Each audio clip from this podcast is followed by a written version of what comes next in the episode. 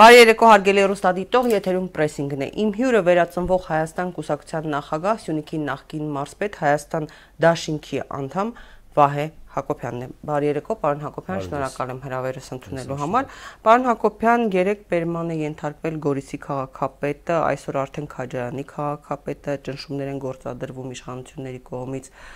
տարբեր համայնքապետերի ուղությամբ, ձերբակալություններ, խուզարկություններ։ Նախ կարող եք ներկայացնել ինչ է կատարվում, հետո հասկանանք թե իշխանություններին ինչ է տալու այս ամբողջ գործընթացը։ Կարճ ասած, սա քաղաքական հետապնդում, քաղաքական վենդետա,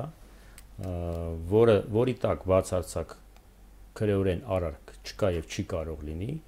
կորզած տիպողական ստացված ցուցմունքների հիման վրա քարուցված քրեական գործեր եւ քնչական գործողություն։ Հիմա խոսենք առանձին դեպքերով Գորիսի քաղաքապետի դեպքում եւ Քաջանի քաղաքապետի դեպքում։ Գորիսի քաղաքապետի դեպքում երկար ժամանակ ասեմ որ նախ որ Սյունիքում ներկա են հիմա 10-ից ավել քնչական խմբեր, ընդ որում բոլոր ուժային կառույցներից եւ ՊԿ եւ ոստիկանության տնտեսական դեմ պայքարի վարչությունը եւ ԱԱՑ-ն եւ քնչական կոմիտեն ՀԿՑ-ն եւ երկար օրեր արդեն փորձում են ցանկացած քաղաքապետի վրա, յուրաքանչյուրի վրա ինչ որ մի բան ստանան։ Եվ տեսեք ինչպես է եղել ընտրել են Տիրախ կին համայնքի ղեկավար Գորիսի խոշորացված համայնքում Խարահունչ համայնքի ղեկավարը կինա մտածում է ինչու կինը հետո པարզ դարձավ որպես քանի որ կնոջ հետ հեշտ է հետո աշխատել երբ որ իրան ձերբակալում ես եւ ինքը գտնվում է մեկուսարանում երբ որ նամանամատ այդ կնոջ երկու փեսաները մեկը ԱՑ-ի աշխատողը մեկը դատախազության ու այդ կնոջ վրա ես ամենայն պատասխանատվությամբ ասում եմ նենգաբար եւ ճնշման տակ ստացել են երկու քաղաքացուց ցուսմունք համաձայն որի ինքը ուղղորդել է ընտրությունների ժամանակ Յոկուտ Հայաստան Դաշինքի եւ այն նպաստները, որը օրինական բաժանվում են հունվար ամսից ամեն համայնք իբրև թե ուղղորդել է դրանից հետո որ քվարկեք Հայաստան Դաշինքի գիշերով տարել են քաղմազ, այնտեղ վախեցրել են, օգտվելով որ գրագիտության այնտեղ մի քիչ հարց կա, ել չասած իրավաբանական գրագիտության, ու համաձայնվել են մարդիկ, տվել են առանց կարդալու համոզված եմ այդ գրած ինչ են ստորագրել են։ Հետո 3 օր աշխատում են այդ կնոջ հետ, համայնքի ղեկավարի, դե կինա, ասենք այդտեղ բանը չես կարող ասել։ Ինչու ոչ տղամարդ, որտեղ տղամարդը կարող էր ասել պատրաստել կամ բան անել։ Ուզում հա։ եք դատեք անհիմն, ուզում եք մի դատեք։ Հիմա վերջնական թիրախը, որ այդ կինը ցուսմունք տա Արուշանյանի դեմ։ Որ դա ինքն է իր հերթին իրեն օրթե, որ ինքը օրթել է հետո այդ քաղաքացիներին։ Սա մանկապարտեզի, մակարդակի գործարքներ են անում։ Գործողություն։ Իսկ Քաջարյանի քաղաքապետի Քաջարյանի քաղաքապետի իմ իմացած տեղեկությունների համաձայն ինչ որ մի ԿՊ-ական ԿՊ-ի կուսակցության անդամ, որ ես վերջերս Փաշինյանի կուսակցության անդամ։ Այո, որին ակնարկել են, որ դու կունենաս վերել իրանց սանդղակով ԿՊ-ական կարիերայում աճ ունենա, հա։ Հա, ու ինքը ցուցմունք հա տվել, ընդ որում ցուցմունք հա տվել իր հարազատ քրոջ ամուսնու վերաբերյալ հիմարություն է, այնտեղ վերջնակ այնտեղ կարող է Փարամազյանի քրոջամուս։ Չէ, չէ, այնտեղ մեր ու ով որ այսօր ձերբակալվել է այդ տվում, դա կոմբինատի բաժնի պետերից մեկն է։ Բայց կոմբինատում նաև իրավաբանի Հա, այնտեղ կապել են կոմբինատի հետ, քանի որ կոմբինատն էլ է թիրախավորված, բնականա կապել են կոմբինատը, դեռ խուզարկել են իրավաբան եւ ընդեղ էլի աշխատասենյակներ են խուզարկել։ Լավ, ինչ խնդիր է լուծում իշխանությունը նման քայլերով, հա, նրանք ի վերջո Սյունիքում ստացել են մեծամասնության ձայները, պողպատյա մանդատ ունեն։ Հիմա ինչ են, ինչ կարող են անել այս մի քանի իրենց խոսքերով ասած անհնազանդ համայնքապետերը։ Համոզված եմ, որ Նիկոլը այսօր անznավորել է Սյունիքը ու ինչքան ինքը ասում է որ եկեք մենք հիմա գնանք քաղաքական դաշտ ու այնտեղ շարունակենք մեր պայքարը ինչը որ մենք ընդունել ենք ինքը հիմա կոնկրետ Սյունիքը թիրախավորել է որպես իրան ելեմ ասում անznական հարցասարքեսունիկը այն այցից հետո երբ որ սյունեցիները նրան ճանապարհը փակելուց հետո չմոռանանք որ համայնքի ղեկավարները առաջինը պահանջեցին նրա պահանջեցին նրա հրաժարականը այդ ամեն ինչը ինքը հավաքելա կուտակելա ու ժողովրդի լեզվով ասած ներսակցել Նաև իրավապահ մարմիններ են հրավիրվում այն մարդիկ, ովքեր ըմբոստացել են, չեն թույլ տվել, որ նա մտնի։ Տերորա, պարզապես իրավական մարմինների կողմից, իրավապահ ներողություն մարմինների կողմից տերորա մարդ չեն թողել, որ կանչել են։ Նոր խումբա գնացել, որը պետք է հետա մոտավորապես հարցակնի 200-ից ավել մարդ։ Այսինքն ովքեր այն ժամանակ նույնիսկ հայհոյել են, թույլ չեն տվել Նիկոլ Փաշինյանը, բոլորին հիմա կանչում են։ Սաղին կանչում են, դա նամանանդ վերաբերում է պետական կամ մունիցիպալ աշխատակիցներին, մանկապարտեզներ, դպրոցներ, Իվանոսներ, որ մեկը ասի, որ այո, ինձ ուղղորդել են կամ ընտրակաշար կա բաժանվել, ինչը որ չի եղել այդպեսի բան բնական է։ Մի ցուցմունք որը հնարավորություն կտա նույն Արուշանյանին կտանեն կանանքի։ Տեսեք, Արուշանյանի նկատմամբ հարուցած է 31 քրեական գործ ուղիղ թվով։ Պարզա չի 3 տարվա ընթացքում։ Պարզա չէ որ 31-ն էլ տակը որևէ հիմք չունեն։ Քանի որ եթե ունենային մի քիչ անգամ հիմք, իրան վաղուց տալել են կանանքի։ Հիմա նորն են է Փարամազյանը, նույնն է Արտուրը, նույնն է Մխիթարը։ Պարոն Հակոբյան, այսօր նաև տարբեր գերատեսչությունների կողմից ստուգումներ են կատարվել Զանգեզուրի պղնձամոլիբդենային կոմբինատում, որի տնօրենների խորհրդի անդամ եք դուք դուք ինչ խնդիր է ուզում դրանով լուծել, հա, նաև հիշենք Նիկոլ Փաշինյանի նախկինում արված հայտարարությունները, թե ընտրությունների քարոզարշավի ընթացքում, թե նաև դրանից առաջ, հա, երբ որ նա խոսում էր, որ պետք է կոմբինատը վերադարձնի, պետությունը պետք է վերադառնա, խլելու են։ Ես համոզված եմ, որ նույն շարքից է նաև կոմբինատը, քանի որ դե բնական է դա կապնվում է, կապում իմ հետ անմիջապես ու հիմա ինքը փորձում է ամեն ինչ անի, որպիսի նաև քանդի այդ կառույցը։ Չհասկանալով, որ քանդելով այդ կառույց ինքը վերջնական կփլի Հայաստանի տնտեսությունը 3 կառավարության նիստում այսպես այն ամենայն հայոց առաքիչի կողմից, այսինքն նույն էկոնոմիկա այդպես կոչված նախարարի կողմից պաշտնակատարի, այսինքն հիմա օրենքի նախագիծա բերվե համաձայն որի առաջարկում են ազգային ժողով մտցնեն օրենքի օրենքի նախագիծ համաձայն որի հարկվելու է եւս 15%-ով ավել հանքանյութը, որը արտանվում է Հայաստանից դուրս։ Լավ, այդ մարդիկ որտեղով են մտածում, որ այդպեսի նախագիծ են պատրաստում։ Չկա տնտեսական հաշվարկ կամ ինչի հիման վրա է։ Իհարկե չկա, եթե իրանք հաշվեին, իրանք հասկանային, որ դա անհետետություն է։ Ռուսաստանի օրինակը, որտեղ այո գործում է նման օրենք, բայց այնտեղ կան ձուլարաններ, Ռուսաստանում չեն արտանում, թողում են զուլանել։ Միգուցե Ռուսաստանի համար դա արդարացված է։ Մեր բարագա մենք չունենք զուլարաններ։ Լավ, ինչով է պայմանավորված դա եւ հեղափոխությունից հետո, երբ որ տնտեսությունը խնդիր էր ունենում, հարկային մարմինները պետեկամուտների կոմիտեն չէր կարողանում խնդիրները լուծել դիմում էր պղնձամոլիբդենային կոմբինատին ամենախոշոր հա, հարկատուների ցուցակում ամենախոշոր ընկերությունն էր եւ դիմում էին եւ աջակցում էր կոմբինատը հիմա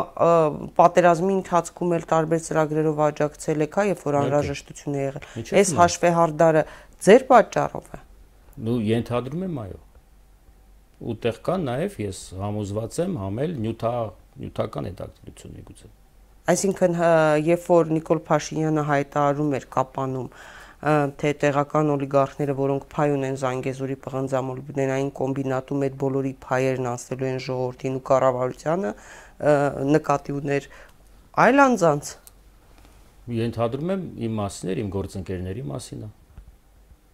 Ինքը պարզապես չգիտի օլիգարխ բառը ինչա նշանակում, եթե իմանար չէր ասի օլիգարխ արտասահմանցի բաժնետերեր կան, նրանք ինչպես են վերաբերվում տեղի ունեցածին։ Վրթոված են չափազանց եւ ես կարծում եմ մոտ ժամանակները կարծականք կլինի շատ կոշտ։ Երևի տեսակ դուք այս վերջերս նախկին տնորենի վարձագանքը, ուղերձը, այդպես ասած, այդտեղ այդտեղ այդտեղ ամեն ինչ ասվել է։ Ու նույն այդ մարդկանց, ով որ ոչ առողջ նկատառումներ ունեն կոմբինատի վերաբերյալ Բայց հնարավոր է ազգայնացնել այդ դա, որ ասում են, այդպես ժողովրդի մոտ բարձր է հնչում, վեհ է հնչում, մարդկանց նույնիսկ թվում է, որ հիմա կվերադարձնեն, գումարները կբաժանեն, հա, խնդրում եմ բացատրեք ժողովրդին։ Ինչից վերադարձնեն կոմբինատը գնվել, սեփականացվել է 2004 թվականին գերմանական կրոնմետմայնի կենտրոնության կողմից եւ այդ օրվանից կես միլիարդից ավել ներդրումներ արվել կոմբինատ։ Հիմա իրանք ինչով են հիմնավորելու, որ դա ազգայնացնեն դա պետք է մեր հանրության ասեն, որ դա Նիկոլի հերթական պոպուլիստական հայտարարությունն է։ Այդպիսի գործառույթ իշխանությունը չունի դուք պատկերացնում եք ինչքան դատարաններում կսննկացնեն Հայաստանը միջազգային դատարաններում իհարկե Լիդիանի տակից չեն կարողանում դուրս գալ հիմա մի հատ փուճուր Լիդիանի որ մնաց ZCMC-ի նման հիմնարկի կարողանան այդպիսի գործառույթներ կիրառեն բայց չէ կասկած ունեք, որ նրանք կդինեն իշխանությունները ինչ որ քայլերի այն Չէ, ես քանի որ իրանք ապաշնոր են եւ չեն կարողանում հաշվեն A+B, իրանք ցանկացած քայլի կարող են գնալ այստեղ պարզապես ասում է պրիչինը ես լեստվե ասենք ինչ է դառնալու հետո դա է հարցը ես գիտեմ բայց ներսը կան բան իմաց մարդիկ որը փորձում են բացատրել ինչ-ինչից հետո իրենց կառավարության ներսից եւ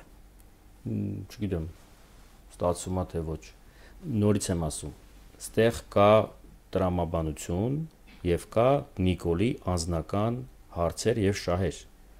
Ստեղ սրա բախումն է, այսինքն здравый смысл ու личная выгода, կներեք որ ուսերեն եմ ասում այդ այդ բախումն, այդ հենց բախումը վերացավ, գնալու է սա իր տեղը։ Եթե Նիկոլը հասկացավ, որ ինքը երկրի ղեկավարը ու ինքը իր այդ դեղին թերթը չի ղեկավարը չի իր դեղին թերթի, այ երկիր է ղեկավարում։ Այդ վաղ միգուցե կգնի տեղը սա։ Պարոն Հակոբյան, այսինքն ինչ որ իմաստով ստացվում է տնտեսության վերաբաշխման process-ը տեղի ունենում, որովհետև նաև Սյունիքի այլ համայնքների հետ կապված էին մամուլում հրապարակումներ լինում այն մասին, որ իշխանությունների հիմա սրտի օլիգարխ Չատուր Սուքիասյանը, որը նաև падգամավորական ցուցակով падգամավոր է դարձել, չգիտեմ իհարկե մանդատը կվերցնի թե գործադիր կտեղափոխվի, որտեվ ըստ լուրերի նաև նա ցանկանում էր զբաղեցնել փոխվարչապետ Տիգրան Ավենյանի պաշտոնը։ Հիմա մամուլում գրվել է, որ ինչ որ տնտեսական հետաքրություններ ունի Սյունիքի մարզում, մասնավորապես Մեղրիում, տարբեր այլ հետաքրություններ կան արդեն նկատելի են իհարկե տեսեք Մեղրի իրադարձությունից հետո մաքսային տերմինալը մաքսատան ղեկավարության կողմից փակվեց դիմեցին դատարան առաջի դատարանի դատարանը որոշում կայացրեց որ անապահ պետքա գործի տերմինալը։ Եվ ինչ։ Ոչինչ։ Դատարանի որոշումը ի կատար չի լինում։ Էլ ինչ էլ ինչ իրավական պետության մասին աստեղ խոսքը կարող է գնալ։ Այդ տերմինալը միջև հիմա բլոմբած, փակած, զմրսած չեն թողնում գործունեություն ծավալի բայց խոսվում էր որ Խաչատուր Սուքիասյանը պատրաստում է այնտեղ նոր տերմինալ կառուցել հայ դրա մասին եմ ուզում ասել դե, կա ինչ ասեցի հետևանքը հիմա տրամաբանության մեկնաբանեք դուք գործող տերմինալը փակում են։ Հասկացա, իսկ արդեն գործընթաց կա, կառուցում են արդեն տերմինալի կառուցապատման։ Այլ իշխանամերձ շրջանակներից հետաքրություններ կա Սյունիքի մարզում ինչ որ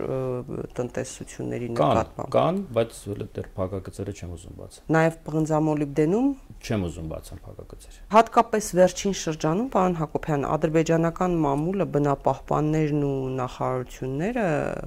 Ադրբեջանի Պարբերաբար անդրադառնում են Սյունիքի, մասնավորապես Կապանի եւ Քաջարանի լեռնահանքային արդյունաբերության թափոններին, որից իրենց խոսքով մշտապես աղտոտվում է ողջի գետը, նաև իրենք անդրադառնում են այս պղնձամոլիբդենային կոմբինատի խուզարկություններին, այսպիսի մի հրճվանքով ներկայացնում են, որ ահա այսպիսի գործընթաց է տեղի ունենում։ Պատահական է համարում Հայաստանի եւ Ադրբեջանի իշխանությունների կարծիքների այս համընկնումները, հա, թե Սյունիքի հետ կապված, թե Սյունիքում բնապահպանական խնդիրների ընդերքի հանքարդյունաբերության կամ պղնձամ մոլիբդենայինի վերաբերյալ։ Իհարկե ոչ։ Այսօր Հագինազեի մասին է երևի ասում, չհոգնեց 3 հատ նյութ, եթե ճիշտ եմ հիշում, իր Այսօր, այսօր, այսօր իրենք այո, բայց դրանից առաջ էլ բնապահպանական նյութեր ահազանգեր են հնչեցնում, որ Սյունիքում էսպես էսպես անվանելով ողջի գետը թուրքական անվանումով, մեր Զանգեզուրը, մեր եւ այլն։ Այսօր եթե ճիշտ հասկացա, եթե ճիշտ է իրանց այդ գրածի մեջ տեսա նաև որ իրանք դիմել են Գերմանիայի դեսպանին Ադրբեջանում, որ այս ինչա կատարվում եւ այլն սա ընդհանուր մի հատ մեծ շոու ծրագիր է ես այդպես եմ հասկանում այսինքն հակառակ դեպքում ինչ իմաստ ունի կոմբինատ մտնել գրոհայիններով ավտոմատներով ում են վախացնում դա սունեցիներին որ ամեն օր թուրքի հետ են շփվում եթե այդպես դուխով տղեկ եք տղեկ սև լիճում հələ ադրբեջանցիները կանգնած են մոռացեք էլի կողքով են անցան որում հիմա կողքով հետ են գալու գնացեք քշեք իրանց ընդ եթե այդպես խիզախ տղեկ եք Պարոն Հակոբյան, բայց ինչով եք բացատրում այդ տրամաբանություն չեմ տեսնում, հա? Առավել եւս սյունեցիները այդ վտանգը տեսնում են, առավել եւս տեսնում են ճշնամու ներկայությունը, հա, ուղիղ իրենց տարածքներում, այդ ամբողջ գործընթացը տեսնում են։ Ինչպես եղավ, որ Նիկոլ Փաշինյանը այդքան ձայն հավաքեց։ Իհարկե, տեսեք, ձեզ մեղադրում են Հայաստան դաշիկին իբրև թե դուք ընտրակաշարք եք տվել եւ այլն, հա, այդ որ ասացիք դեպքերով։ Բայց նաեւ մամուլում էլ գրվեց այն մասին, որ իշխանությունները ինչ որ բարեգործությունների անվան տակ, ինչ որ գումարներ են տալիս եւ այլն եւ այլն։ Հա, Հիմա արդյոք դա կամ ուղակի զինվորականների կամ զինվորականների քվեարկությունով էր պայմանավորված այդքան թիվը։ Իհարկե, տեսեք Սյունիքում քվեարկելա 4608 զինվորական։ Ու մենք ունենք կասկածներ, որ այդ զինվորականները շրջել են, քանի որ նախատեսված էր 7 թե 8 ընտրատեղամաս, որտեղ պետքա քվարկեն զինվորները։ Զինվորները քվարկել են 25 հատ ընտրատեղամաս։ Բացի դա չի հաշվում, մեջ չի մտնում ոստիկանության, ոստիկանությունը։ Հազարից ավել է ոստիկան այդ բանը տեղել։ Եթե դա հանենք ու այդ ռեսուրսը, որը մահակներով նույն պետական աշխատողներին ուղղորդել են, այնտեղ մեծ հարցով հաղթել, մեծ հարցա։ Ու օրեր առաջ մարզպետը հրավիրել է վարչության պետերին, ով որ լոյալ են եղել Հայաստան դաշինքին եւ առաջարկել է դիմում գրել ազատվել աշխատանքից։ Այսինքն ինչ է կատարվում անթակույց քաղաքական հայացքների համար ստիպում են դուրս գալ մարդիկ աշխատանքից։ Ասեմ ավելին, մտնում են նաև մասնավոր սեկտոր։ Մասնավոր սեկտորցեր են ասում պետք է հանեք մարդկանց գործից Դե անվտանգության խորհրդի քարտուղարը իրենց Արմեն Գրիգորյանը հայտարարեց, որ կադրային ջարդ է լինելու։ Իրենք չեն ཐակցնում դա, որ պետք է ով որ չի բանը չի աշխատել քաղաքացիական պայմանագրի օկտին իշխանությունների օկտին, փաստորեն եւ պետական ապարատից բոլորին հեռացնելու են հայտարարել են։ Գիտեք Տիգրանյան, եթե Սերժ Սարգսյանի կամ Ռոբերտ Քոչարյանի օրոք այս ամեն ինչի 0.01% անգամ լիներ, հիմա մեզ միջազգային կառույցները, դեսպանները Եվրո կախաղն էին հանել պայմանական ասած։ Այո, զեկույցներով, հայտարարություններով։ Չէին թողել հիմա մեկի ձայնը դուրս չգալի այսօր։ Ինչով է դա պայմանավորված։ Միգուցե գլոբալ գեոքաղաքականությունով ամեն երկիր իր շահերն ունի։ Բայց այս ազգը մեղավոր չի, որ մենք ընկանք հերթական անգամ ինչ որ գեր տիրությունների խաչմերուկի հետաքրքրությունների արանք դուք հանդիպում եք դիվանագիտական կառույցների հետ միջազգային կազմակերպությունների հետ որպես քաղաքական ուժ ղեկավար ներկայացնում եք այդ խնդիրները ինչ է հա իհարկե ինչ են արձագանքում? Դե արձանագրում են նախ ու ու իրանց խոսքերով փորձելու են միջամտել եւ իրական դեմոկրատ դեմոկրատիկ սկզբունքները փորձեն պահպանել։ Իսկ ճիշտ է, որ off the record ոչ ձայնագրության համար, ոչ հրաապարակային այդ զրույցների ընթացքում նրանք համաձայնում են դեր ձեր տեսակետների հետ քաղաքական ուժերի ներկայացրած տեսակետների հետ հրաապարակային ելույթներում այլ տեսակետ են արտահայտում։ Ես չեմ տեսել դեռ այդպես բան, որ խոսանք մի բան, ես ընդհանրապես չեմ կարող մեկնաբանել դա, միգուցե այդտեղեր այդպես եղել է, բայց իմ հետ կապնված դա չեղել դից։ Պարոն Հակոբյան, Նիկոլ Փաշինյանը մի տեսակ սևեռում ունի ձեր նկատմամբ ինչով է դա պայմանավորված? Ձեր անձի հետ է կապված թե քաղաքական թիմի դեմ է ինչ է ինչպես կբացատրեք? Դե ես կարծում եմ քանի որ առաջի ապտակը իրան հասցվեց դեռ 18 թվականին նոյեմբերին եթե ճիշտ եմ հիշում Ղափանի քաղաքապետի ընտրությունների ժամանակ այդ օրվանից ինքը սևեռվեց հետո այդպես էլ գնաց իսկ հնարավոր համար հետո թիրախավորեց խուզարկությունները խուզարկությունների հետևից Ինչև ես վերջացնում, ինչև հիմա։ Անթիվ անքանակ քրեական գործեր։ Խոզարկություններ եւ կոմբինատում եւ ձեր տանը եւ ձեր գրասենյակներում։ Ոչ միայն տանը, գրասենյակներում իմ ընկերների տանը, սանիկներից տանը, բարեկամներից տանը։ Թե ինչ էին մանգալիտ, ինչև նա չեմ հասկանում։ Չեն ասում ձեզ ինչ էին փնտրում։ Դե ինչ որ դատարանի որոշումով համաձայն օպերատիվ դարձրել են օպերատիվ ստացած տվյալը, բան։ Ամեն ամեն ինչ կարող են թաքցնել այդ բարի բարակապակցության հետևից։ Իսկ բանկային գաղտնիքը պահպանվում է, թե իշխանությունները տիրապետում են բոլոր այդ տվյալներին։ Դե պատկերացրեք հիմա 10 լումայի այս կողմ են կողմ լիներ։ Ինչ է կատարվելու հիմա։ Չէ, համոզված եմ իրանք բանկային գաղտնիքներ են շրջանցել ինչ որ հնարավոր է։ Որտեվ հիշում ենք հեղափոխությունից հետո նույնիսկ լավ հիշում եմ Երևանի քաղաքապետի ընտրությունների քարոզարշավի ժամանակ, երբ որ ինքն էր անցկացնում, բանկային գաղտնիքի տվյալներ հրապարակում առանձին մարդկանց, այն դեպքում, երբ որ դա պարտադիր դատարանի որոշմամբ պետք է լինի հնարավոր համարում եք որ ձեր դեմ էլ հենց քրեական հետապնդում իրականացվի ընդհուպ մինչև падգամավորական անձեռնմխելիությունից զրկելու ճանապարհով եթե հիմք ունենան պատկանեն բայց որ տենց հեշտ չի պետք է հիմք ունենան նորմալ ոչ չեն կարող ասել գլխի գլխակ չկա վերջի վերջ բայց տեսնում եք որ անում են դե անընդհատ դե հնա 3.5 տարի արդեն անում են մի 4 հատ թե 5 հատ քրեական գործ առուցված սկսած գործի չեմ գնում ամեն այդ անհետեցությունը 4 օր գործի չեմ գնացել իբրև վերջացած ինչ որ չգիտեմ այլ 4 սպայկայի գործով եմ անցնում որպես վկա ինչ կապ ունեմ ես սպայկայի հետ անհասկանալի է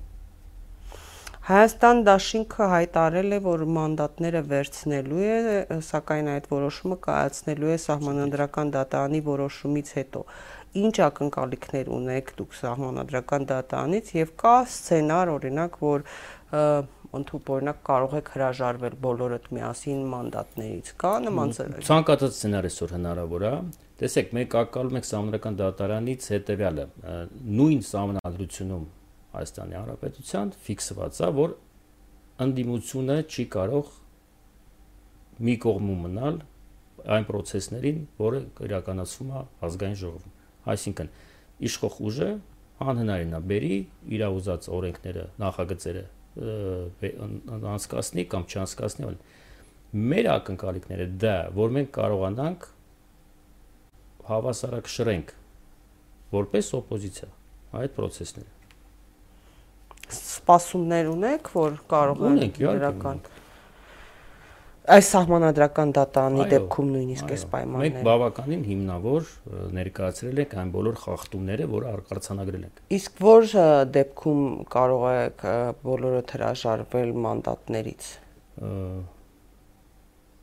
Դժվարանում եմ ասել, Պարոն Հակոբյան, շատ է խոսվում խորհրդարանական պաշտոնների ազգային ժողովի փոխնախագահի պաշտոնի, հանձնաժողովի նախագահների պաշտոնների մասին։ Չեք կարծում, որ արդյոք անգամ նման հարցերով քննարկումների մեջ ներքաշվելով ընդդիմադիր ուժերը մտնում եք իշխանության օրակարգի մեջ մի տեսակ, հա, արդյոք դա է ամենակարևոր հարցը այս պահին։ Դե տեսեք, եթե մի տեսակ բոլոր հարցերը հիմա դուրս են մղվել, բայց ինչ որ գործընթացներ են տեղի ունենում, տարածքների շուրջ տեսնում ենք, հա, բայց հարցը տեղափոխվել է կարծես այս պաշտոնը կվերցնեն, այս հանձնաժողովը կղեկավարեն։ Չէ, այդպեսի բան բացարձակ մեր մոտ չի քննարկվում Ես համոզված եմ, որ իշխող ուժը եւ իրանց ֆրակցիան ամեն ինչ անելու է, որ խոչընդոտի նաեւ այդ հարցում։ Մենք այդպիսի նպատակներ չունենք։ Մենք պարզապես վերցնում ենք մանդատները քանի որ համել ուզում ենք տեղափոխենք մեր պայքարը ազգային ժողով։ Այսինքն տեղափոխենք մեր պայքարը քաղաքականություն, որpիսի այդտեղ էլ մենք իրանց համար դառնանք խնդրեմ։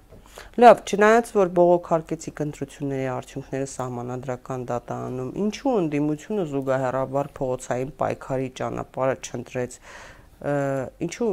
այսպես լուր, հա, բոլորի մոտ մի տեսակ շատերի մոտ նույնիսկ մենք այդ դեպքում կհավասարվեինք իրա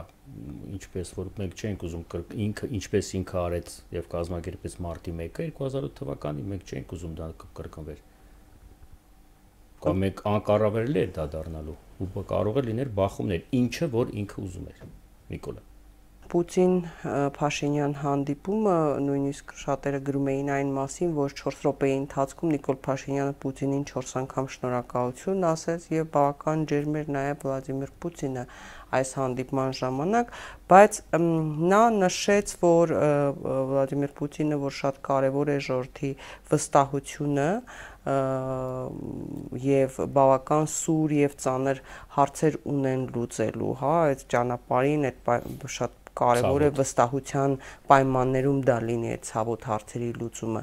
Ձեր կարծիքով ինչ է սպասվում մեզ, ինչ լուծումների մասին է խոսում, ինչ ցավոտ հարցեր կարող են լինել։ Ամենայն դեպս ոչ մի լավ բան։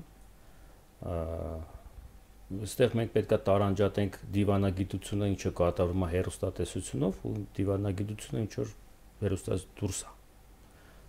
Այո, բնական է, տեղ կա էթիկա, դիպլոմատիկ էթիկա, որը ձև հերամներ իրար պետք է ասեն, Իսկ կարծում եմ, այս կողմից ձեֆերանները ուղված էր անկեղծ, իսկ այն կողմից տենց այնա որ պրոտոկոլ։ Բայց ամենայն դեպս վերադառնալով նրան, որ ինչա մեզ սպասում, ես ոչ մի լավ բան չեմ տեսնում այստեղ։ Կարևոր չի Նիկոլ Փաշինյանը ուներ այդ արկղի մեջ 30% 40 20 թե 53 մի զանգված իրան այսօր դա պետք է արցանագրենք իրան ընտրելա ու ես վատ եմ պատկերացնում հիմա մեր ընդհանուր ապագան ինչպես տինա լինելու զիջումներ, զիջումներ եւ այլն վերջնական փլվելու է տնտեսությունը համոզված եմ ու սա մեր նույն ZCMC-ի ուղղությունը դա այլ բացատրություն չեմ տեսնում այդտեղ ենթադրում եմ ստորագրվեն, եթե արդեն չեն ստորագրվել, եւս փաստաթղթեր կվերցնեն։ Կարծում եք հնարավոր է որ ինչ որ բաներ ստորագրած լինեն։ Չեմ բացառում։ Կվերցնեն էլի գումարներ կրեդիտ պարտքը վերջնա վերջնական կանցնի 10 միլիարդը միգուցե ու հետո երկիրը կգնա դեֆոլտի։ Դա ամենավտանգավորն է։ Իհարկե։ Իսկ ինչ որ սահմանազատման, սահմանազատ գծման process-ներ տեղի են ունենում հիմա Սյունիքի կողմից, ինչ է լինում, դե, որտեվ Ադրբեջանը, Ռուսաստանը նշում են, որ պետք է դա անել, բայց միջազգային ագետներն ասում են, որ առանց Արցախի կարգավիճակի դա սխալ է ընդհանրապես։ Դե տեսեք, նույն Սևլիչի մոտ, հեսա, 3 ամիս արդեն ադրբեջանցիները տնավորվել են կոնկրետ։ Այդ հարցը հիմա ոչ մեկ չի խոսում, չքննարկում։ Մեր տարածքում թշնամական մեծ թշնամի երկրի զինված ուժերը 3 ամիսա շուրջ զինված նստած են այնտեղ թվով 1000 հոգու մասին ընդհանուր այո 1000-ից ավել ընդհանուր սահմանով նույն բանն է բան բանում է գեղարքունիքում է բայց ինչ որ սահմանազատման գործընթաց տեղի ունենում չէ ոչ մի բան տեղի չի ունենում մենք ամենայն դեպս տեսանելի չի մեր համար հմ Իսկ ինչ որ աշխատանքներ սահմանային այդ որ ասում էր Նիկոլ Փաշինյանը, որ չէ, չէ, չէ, չէ։ Խաչատուրովին հանեց երրորդ կորպուսը։ Գրիգորի Խաչատուրովին, դա արդեն լուրջ վտանգ է Տավուշին, երրորդ կորպուսի հրամանատար Գրիգորի Խաչատուրին, որովհետև նա էր հենց ընդդիմանում, պահում Հուլիսյան դեպքերի ժամանակ էլ նրա շնորհիվ մենք կարողացանք պահել Տավուշը։ Հիմա այսինքն հնարավոր է, որ այդտեղ էլ զիջումներ ցանկացած ես սցենար չեմ բացառում Եվ վերջին հարցը պարոն Հակոբյան, կառավարության նիստում որոշում է կայացվել, որ պատերազմի ընթացքում այն ընկերությունները, որոնք կամ իրավաբանական անձինք, որոնք իրենց գույքը տվել էին պատերազմի ընթացքում գործածելու համար, պատճառված վնասի փոխհատուցում պետք է տրամադրվի կառավարության կողմից։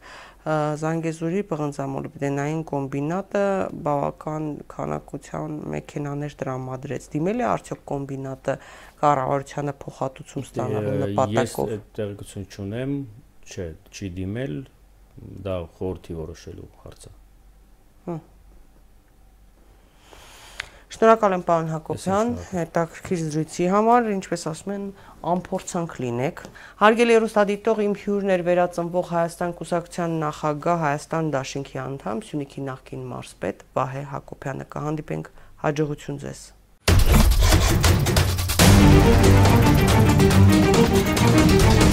Thank you.